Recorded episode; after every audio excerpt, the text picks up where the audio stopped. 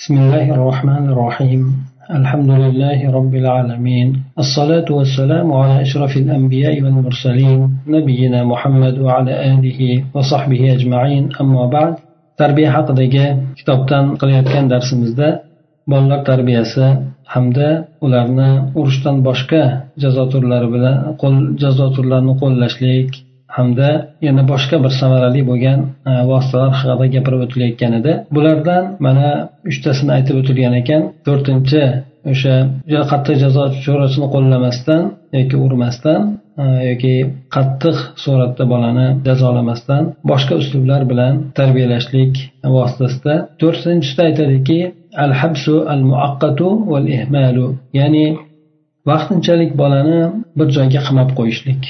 Hamda bolani e'tiborsiz tashlab qo'yishlik. Bu ikki yoshdan to o'n ikki yoshgacha bo'lgan bolalarda qilinadigan vosita ekan. Muallif aytadiki يعتقد الإخشائي النفسي أيمن محمد عال أن هذا النوع من العقاب مفيد جدا رغم أن الكثيرين لا يستعملونه ويمكن تنفيذه من جيل سنتين فحينما يخطئ الطفل نفعل الآتي أولا تطلب من الطفل أن ينتقل إلى زاوية العقاب حيث يجلس على كرسي محدد في جانب الغرفة أو أن يقف في ركن من الغرفة. ثانيا يتم إهماله لفترة محدودة من الوقت وتوضع ساعة منبهة مضبوطة على مدة انتهاء العقوبة وهي من خمس دقائق إلى عشر دقائق كافية إن شاء الله. يطلب من الطفل التنفيذ فورا بهدوء وحزم. وإذا رفض يأخذ بيده إلى هناك يؤخذ بيده إلى هناك مع بيان السبب لهذه العقوبة باختصار. ولا يتحدث ولا يتحدث مع الطفل أثناءها أو ينظر إليها. وتأخذ أشكال الإهمال صورا أقصى حينما يدخل الأب أو الأم فيسلمون ولا يخصون ذلك الابن بتحية خاصة أو لا يسألون عن برامجه في ذلك اليوم. أو مدح غيره من أبناء جيله أمامه على أن لا يكون ذلك إلا للعقاب عند الأخطاء الكبيرة. وينصح آه، عدم الإكثار عدم الإكثار من هذا الأسلوب إلا للحاجة الملحة. ثالثا وإذا انتهت العقوبة اطلب من طفلك المعاقب أن يشرح لك أسباب العقوبة حتى تتأكد من فهمه لسبب العقوبة. رابعا إذا كرر الهرب من مكان العقوبة يتحمل عندها الحجز في غرفة غرفة تغلق عليه مع مراعاة أن الحجز في غرفة لا يستخدم إلا بقدر الضرورة الملحة ولمدة محدودة والأصل الحجز في زاوية أو على كرسي في غرفة مفتوحة.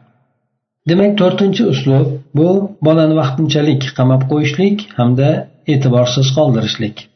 Psixolog bo'lgan mutaxassis psixolog kishi ya'ni ayman muhammad ol degan kishi e'tiqod qiladiki ya'ni bu kishi shu narsani tushunadiki jazodan bo'lgan bu tur ya'ni to'rtinchi aytilayotgan bu vaqtinchalik qamab qo'yishlik mana bu turi juda ham foydalidir. Ko'pchilik odamlar buni ishlatmasligiga qaramasdan judayam foydali deydi. Buni ikki yoshli bo'lgan bolalarda joriy qilishlik mumkin bo'ladi. Bola ana o'sha yoshda yoki undan ko'ra kattaroq bo'lgan yoshdagi bola xato qiladigan bo'lsa quyidagi narsalarni qilib o'tamiz deydi. Birinchidan bolangizdan agar mabodo xato qiladigan bo'lsa jazolashlik uchun o'sha jazo qilinadigan jazolanadigan burchakka borib turishligini talab qilasiz. O'shanga ko'chib o'tishligini talab qilasiz. Ana o'sha yerda g'urfani bir chetida belgilab qo'yilgan kursiga o'tiradi. Yoki bo'lmasa g'urfani bir ustunlarini oldida yoki g'urfani bir burchagida joyida tik turadi. Mana shu narsani demak bolangizdan talab qilasiz deydi. Bu narsa qo'llaniladi. Ba'zida bola xato qiladigan bo'lsa burchakka turgizib qo'yiladi. Bir muddat yoki bo'lmasa o'sha yerda o'tirib uni e'tiborsiz tashlab qo'yiladi. Bolani e'tiborsiz tashlab qo'yishlik muayyan bir vaqt uchun e'tiborsiz tashlab qo'yiladi. Hamda o'sha uqubatni tugash muddatini aniq belgilovchi bo'lgan ogohlantiruvchi soatni budilnik masalan qo'yiladi deydi. Bu besh minutdan o'n minutgacha bo'lgan vaqt endi.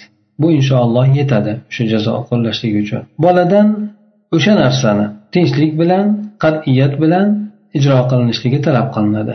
Ya'ni o'sha joyga borib tur deydigan bo'lsa albatta o'sha boladan shu narsa qilishligini shunga itoat qilishligini o'sha ishni bajarishligini ya'ni o'sha yerga borib turishligini talab qilinadi.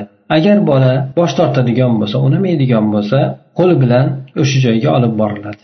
Bu yerda o'sha uqubatni sababini qisqacha suratda bayon qilishlik bilan birga bo'ladi. Nima uchun bunday jazo chorasini qo'llayotganligini aytib qo'yadi.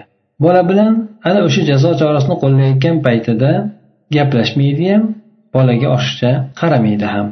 Bu bolani e'tiborsiz tashlab qo'yishlik shakllari turli suratlarni o'z ichiga oladi beshafqat bo'lgan turli suratlarni ham o'ziga oladi. Bu yerda masalan deydi otasi yoki onasi kirib kelib o'sha xonaga umumiy suratda salom beradi. Bu yerda o'sha farzandni alohida bir salom bilan xoslamaydi yoki bo'lmasa o'sha kundagi uni ishlari haqida qilmoqchi bo'lgan ishlari haqida planlari haqida so'ramaydi. Yoki bo'lmasa o'shani o'sha tengi bo'lgan bolalardan undan boshqa bo'lgan bolalarni maqtaydi oldida. Bu ham albatta o'sha xato qilgan paytida jazo bo'lishligi uchun shunday qiladi. Katta xato qilgan paytda jazo bo'lishligi uchun shunday qiladi. Endi bu uslubni juda ko'paytirib yubormaslik nasihat qilinadi. Shu narsa aytib o'tiladiki demak bu uslubni ko'p qo'llashlik to'g'ri kelmaydi. Illo bir qattiq bir ehtiyoj topiladigan bo'lsa shu uslubni qo'llashlikka o'shanda qo'llaydi doimiy qo'llaydigan bo'lsa buni qadri yo'qolib qoladi. Demak ikkinchi uslub ham ma'lum. Bu yerda bolani indamasdan o'sha bir burchakka qo'yib qo'yishlik yoki bo'lmasa hop bir joyga vaqtinchalikka qamab qo'yishlik yoki bir joyga turgizib qo'yishlik bu besh o'n minut miqdorida deb aytildi. Bu bir tomondan bo'ladigan bo'lsa ikkinchi tomondan bolani atay ma'naviy tomonda o'sha qilgan xatosi uchun jazo chorasini qo'llashlik. Bunda aytib o'tildi kirgan odam bolani garchi ko'rsada bilsada e'tibor qaratmaydi unga parvo qilmaydigan diqqat ko'rsatadi o'zini mana shu narsa ham bolaga ta'sirini ko'rsatadi deydi. Uchinchidan agar uqubat muddati tugaydigan bo'lsa o'sha jazolangan farzandingizdan sizga shu jazolanishlik sabablarini ochiqlab berishligini talab qiling. Nima uchun o'sha jazo qo'lladim bilasanmi deb boladan o'zi sababini so'rang. Hattoki o'sha bola jazolanishlik sababini tushunganligini aniq bilib oling. To'rtinchidan agar bola uqubat joyidan qayta qayta qochib ketaveradigan bo'lsa bunda uni ustidan bekiladigan bir xonaga qamab qo'yishlik mas'uliyatini o'zi ko'taradi endi.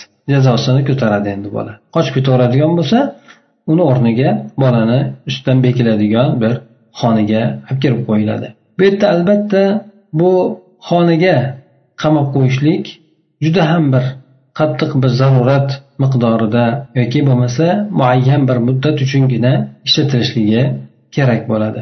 Aslida o'zi bolani burchakka turgizib qo'yishlik yoki bo'lmasa ochiq bir xonada ya'ni ustidan qulflanadigan xona emas balki ochiq xonada kursini ustiga o'tirgizib qo'yishlik kursiga o'tkazib qo'yishlik ham mana shunday uslub qo'llanishi kerak bo'ladi. Agar bu narsa kor qilmaydigan bo'lsa unda sal bundan ko'ra qattiqroq bo'lgan uslubni qo'llashlikka o'tilishligi mumkin bo'ladi. Yuqorida unga misollarni keltirib o'tdi.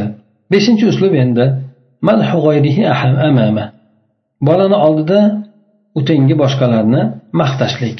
بشرط أن يكون للعقاب فقط وليس في كل الأحوال كما ينبغي عدم الإكثار من هذا الأسلوب في العقاب لما في تكراره من أثر سيء على نفس الطفل demak shu shart bilanki deydi bu narsa faqatgina jazo uchun shunday qilinishi kerak hamma holatlarda ham emas demak bolani oldida hamma holatda birovlarni maqtaveradigan bo'lsa bolada tushkunlik paydo bo'ladi men hech narsa emas ekanman degan narsa bolani ko'ngliga tushib qoladi. Chunonchi endi bu yerda bu uslubni ko'paytirmaslik kerak bo'ladi. Jazolashlikda ham buni takrorlayverishda bolani ruhiyatiga yomon salbiy ta'sir ko'rsatib qo'yishligi ham mumkin bo'ladi. Shuning uchun bunday uslubni ko'p qo'llamaslik kerak bo'ladi. Beshinchi uslub aytadiki al hajru val hisom hajr qilishlik boladan biroz yuz o'girishlik va yengil urishishlik على أن لا يزيد على ثلاثة أيام وأن يرجع عنه مباشرة عندما يعترف الطفل بخطئه bu uslubda uch kundan oshmaslik kerak chunki hajr ma'lumki uch kun bo'ladi xolos uch kundan ortiq orozlamaslik kerak bir biri bilan yuz o'girmaslik kerak hamda undan bola xatosini e'tirof etgan paytdanglar xatosini bilib tan olgan paytidanglar bevosita birdaniga o'shanda qaytishligi kerak bo'ladi u uslubdan qaytishlikka yana bolani e'tibor e'tibor qaratib boladan shu yuz o'girishligini man etishligi o'zidan tashlashligi kerak bo'ladi oltinchi uslubda aytadiki tahdid بعد أن تستنفذ كل الوسائل التربوية الأخرى تضطر تخويف أبنائك وتهديدهم بالضرب وإذا أصر البعض على الخطأ الشديد ولم يأبه بتهديدك تضطر أخيرا لتنفيذ تهديداتك بالضرب غير المؤذي والمبرح boshqa tarbiya vositalarini hammasini ya'ni tahdiddan boshqa yuqorida aytib o'tilgan tarbiya vositalarini hammasi tugatgandan keyin tugatganingizdan keyin ana endi boshqasi foyda bermay qoladigan bo'lsa unda farzandlaringizni biroz qo'rqitishlikka majbur bo'lasiz hamda ularni urushlik bilan tahdid qilishlikka majbur bo'lib qolasiz. Agar uni qilmaydigan bo'lsang yoki shuni takrorlayveradigan bo'lsang deb bolani tahdid qilasizda urushlik bilan uni qo'rqitasiz. Ba'zilar o'shanda ham qattiq xatosida mahkam turib oladigan bo'lsa sizni qo'rqitishligingizga e'tibor ham qilmaydigan bo'lsa bunda oxirida o'sha urushlik bilan tahdid qilishligingizni endi ijrosini qilishlikka majbur bo'lib qolasiz. Bu albatta bolaga ozor bermaydigan hamda bolani biron joyini mayib qilmaydigan darajada bo'lishligi kerak bo'ladi demak inson hamma uslublarni qo'llagandan keyin jam bo'lmagandan keyin tahdid qildimi urishlikka endi uradi lekin bu yerda ozor bermaydigan hamda bolani biron joyini mayib qilmaydigan suratda urishligi mumkin bo'ladi yettinchi uslubda aytiladiki shaddul uzun وقد فعله النبي صلى الله عليه وسلم كما أخرجه ابن سلمي فعن عبد الله بن بسر المازني السحابي رضي الله عنه قال بعثتني أمي إلى رسول الله صلى الله عليه وسلم بقطف من عنب فأكلت منه فأكلت منه قبل أن أبلغه إياه فلما جئت أخذ بأذني أذني وقال يا غدي يا غدر demak yettinchi uslubda qulog'idan tortishlik endi payg'ambar sallallohu alayhi vasallam bunday uslubni qo'llaganlar mana ibn sunniy buni rivoyat qilgan ekan. Abdulloh ibn busr maziniy sahobiydan rivoyat qilgan ekanki alloh taolo u kishidan rozi bo'lsin. Aytadilar meni onam rasululloh sollallohu alayhi vasallamga bir bosh uzum bilan yuborgan edi.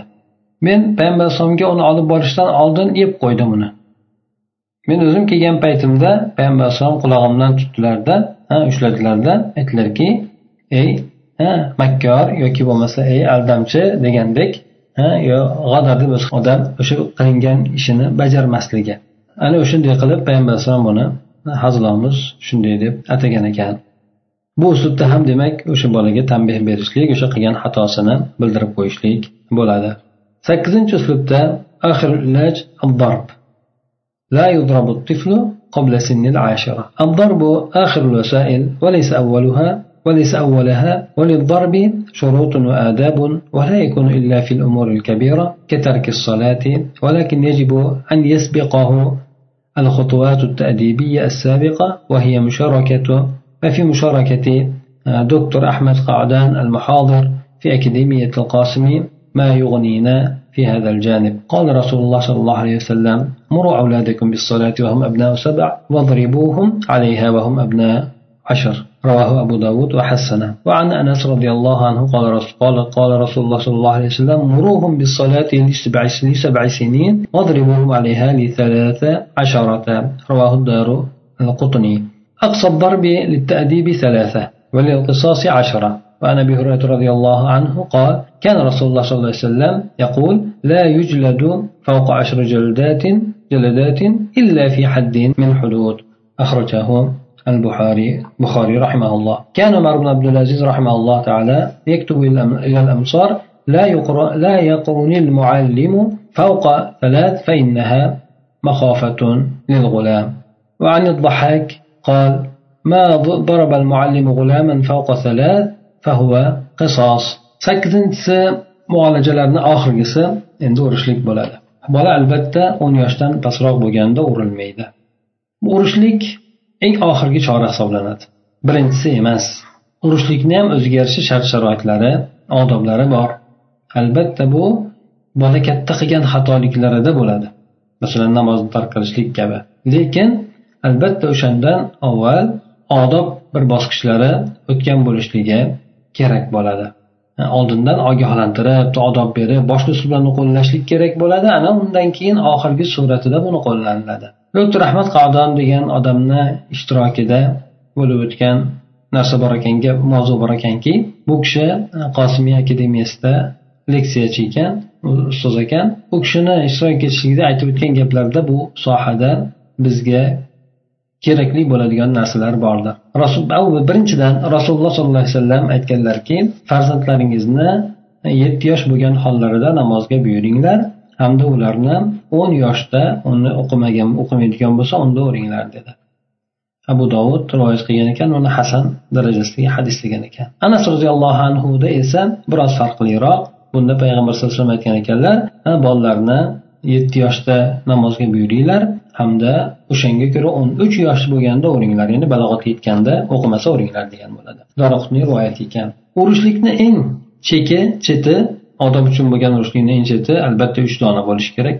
Uchtadan ortiq urib bo'lmaydi deydi. Asos uchun bo'ladigan bo'lsa o'ntagacha bo'ladi. O'sha odam qo'llaydigan bo'lsa o'ntagacha bo'ladi undan tepasini qozi qo'llaydi asosan.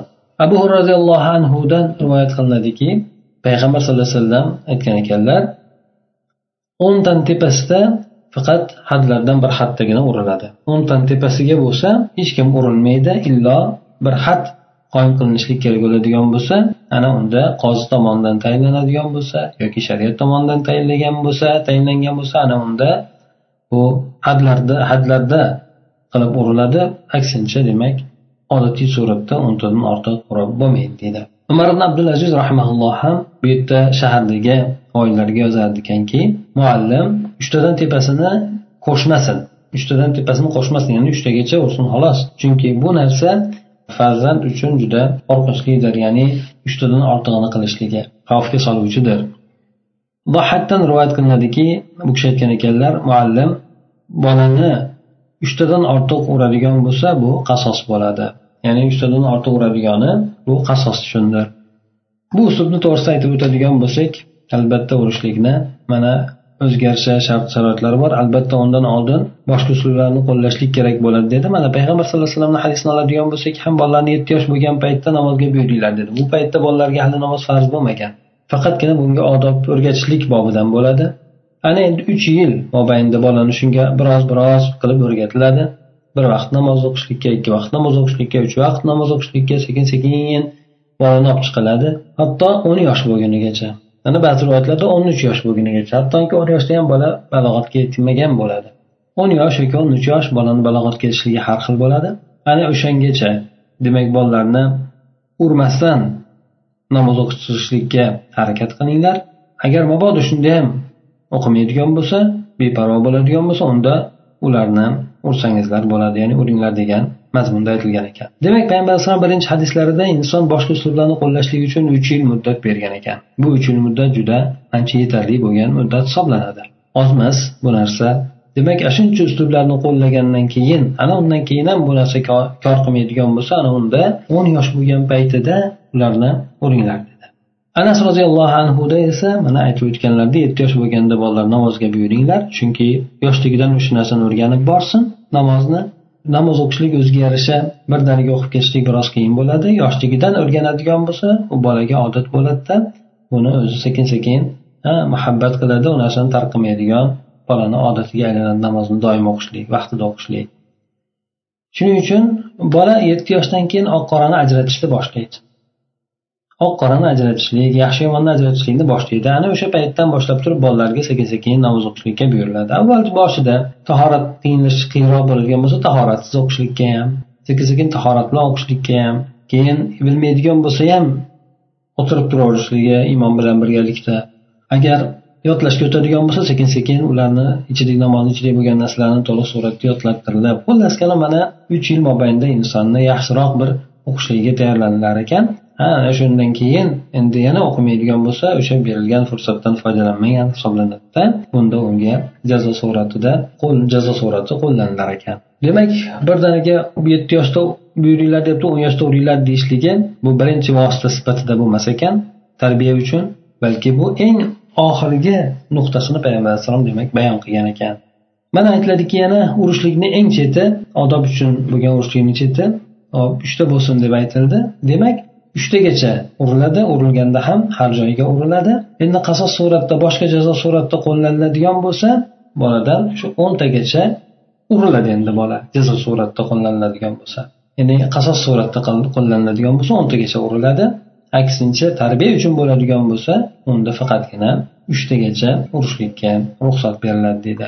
umar ibn abdulazizni yozgan maktublarida ham demak u kishi butun voliy bo'lib turgan paytda islom ummatini voliysi bo'lgan paytda shahardagi hokimlarga o'zini omillariga yuborgan ekan demak o'qituvchilar ta'lim berayotgan paytda bolalarga ortiqcha zug'um qilmasin chunki u bolalarni qo'rqitib qo'yadi muallif aytadiki شروط للضرب لا بد أن تراعى الضرب للتأديب كالملح للطعام أي القليل يكفي والكثير يفسد لا تضرب بعد وعدك بعدم الضرب لئلا يفقد الثقة فيك. يفقد الثقة فيك. مراعاة حالة الطفل المخطئ وسبب الخطأ. رابعا لا يضرب الطفل على أمر أمر صعب صعب التحقيق.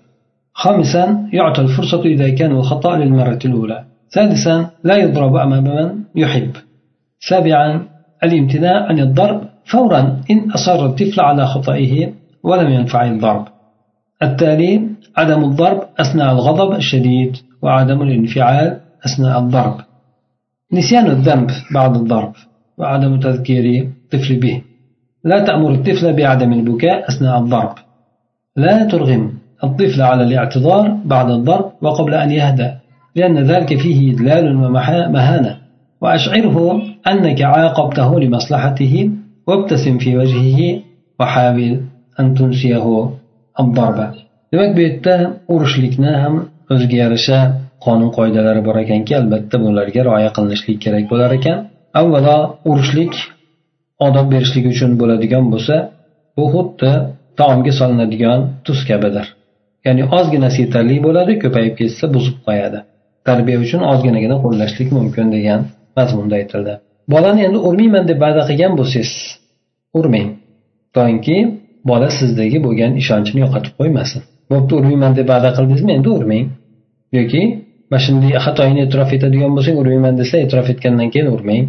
Va'da qildingizmi? Demak o'sha va'dangizda turishlikka harakat qiling. Undan keyin bolani o'sha xato qilgan bolani holatini hamda xatosini sababi nima sababdan qilganligiga rioya qilishlik. Ba'zan bola qo'rqib turib bir ishni qilgan bo'ladi. Ba'zan xursand bo'lib ketganligidan qilgan bo'lishi mumkin. Demak o'sha narsalarni rioya qilishlik kerak bola qasddan qilgan bo'lishi mumkin noqasddan qilgan bo'lishi mumkin. Va o'shandagi xatoni sababi. Shuni rioya qiling e'tibor qiling. Nima sababdan o'sha narsani qildi? Majbur bo'ldimi? Yoki bo'lmasa beparvolik qildimi? Qanday sabab? O'shanga qarab albatta jazo chorasi qo'llaniladi endi. Endi bolani ado etishlik juda qiyin bo'lgan ishga ko'ra ham uravmang endi?